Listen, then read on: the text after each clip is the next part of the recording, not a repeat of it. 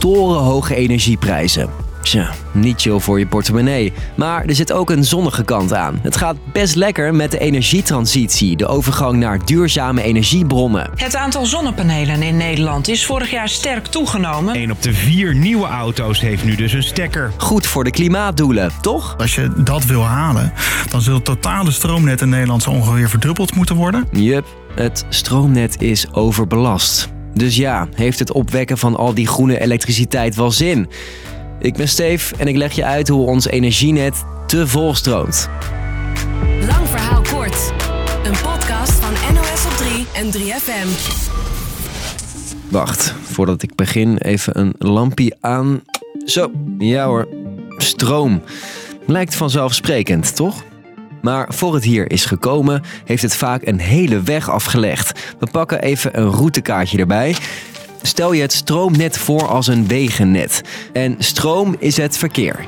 Je hebt snelwegen. Dat is het hoogspanningsnet. Dat bestaat uit hoogspanningsstations, die enorme elektriciteitsmasten en hoogspanningsdraden. Elektriciteit gaat via die snelwegen van de bron, bijvoorbeeld windparken, kolencentrales, richting daar waar het nodig is. En dan neemt het een afslag naar de provinciale wegen, het laagspanningsnet. Dus de vertakkingen in de regio, naar bedrijven, scholen, winkels en huizen. Jaren geleden was het allemaal voldoende. Er was genoeg ruimte voor al het verkeer en het reed lekker door. Maar ja, we gebruiken nu veel meer energie en wekken ook veel meer op. Terwijl er niet veel wegen en knooppunten zijn bijgekomen en sommige wegen ook wel wat nieuw asfalt kunnen gebruiken. En dus ontstaat er file.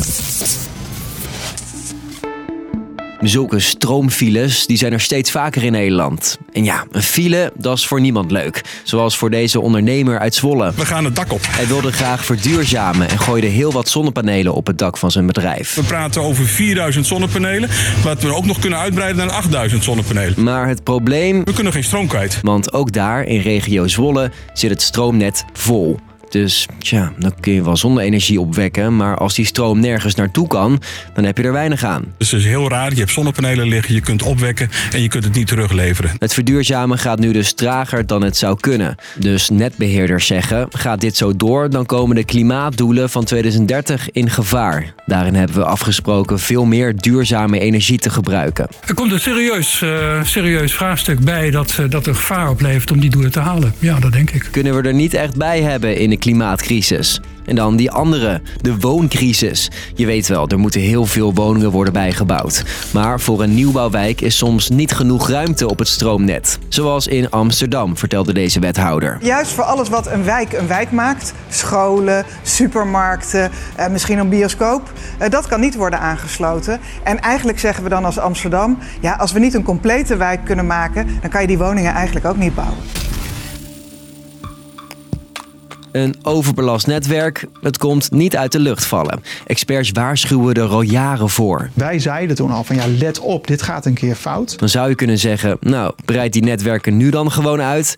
Maar dat is nog niet zo makkelijk. Er zijn onder meer te weinig mensen en materialen om vaart te maken. En dan is er ook nog de stikstofcrisis. Om de natuur te beschermen moeten we minder stikstof uitstoten. En daarom is het nu per bouwproject de vraag, kan dit wel doorgaan? En ja, ook bij het leggen van kabels komt stikstof vrij. En het kan nu dus extra lang duren voordat een stroomnetwerk is uitgebreid, zegt netbeheerder Tennet. Ze zijn vaak maar twee jaar aan het bouwen en acht jaar bezig met vergunningen. En er komen nu waarschijnlijk nog stikstofvergunningen overheen, waardoor het weer twee jaar langer duurt. Ja, dat, dat kan niet. Dat kan niet. We moeten gewoon door kunnen werken. Daar komt nog bij dat sommige bedrijven voorrang krijgen bij het aanvragen van zo'n vergunning. Schiphol bijvoorbeeld ook in sommige gevallen. Je hoort mijn collega Ewout Kieviet die in dit onderwerp dook. De netbeheerders zeggen juist wij zouden voorrang moeten krijgen. Omdat zij juist voor minder stikstof in de toekomst gaan zorgen. Doordat er meer verduurzaamd kan worden. En omdat ze alleen bij de bouw van de netten maar heel korte tijd voor extra stikstof zorgen. Minister Jette zegt te kijken naar zo'n voorrangsregel, maar dat duurt nog wel even. Ondertussen is er één simpele korte termijn oplossing om de drukte op het net te verminderen, zeggen netbeheerders. Gebruik machines of apparaten vooral als het hard waait of als de zon schijnt. Want op die momenten is de stroomfile namelijk het langst. Dus, lang kort. Nederland stapt als een malle over op duurzame energie, maar het stroomnetwerk kan dat nauwelijks aan. Daardoor vrezen netbeheerders dat de energietransitie vertraging oploopt, tenzij de boel snel wordt vernieuwd, maar daarvoor zijn soepelere regels nodig. Zo, dat was hem voor vandaag. Het lampie gaat weer uit.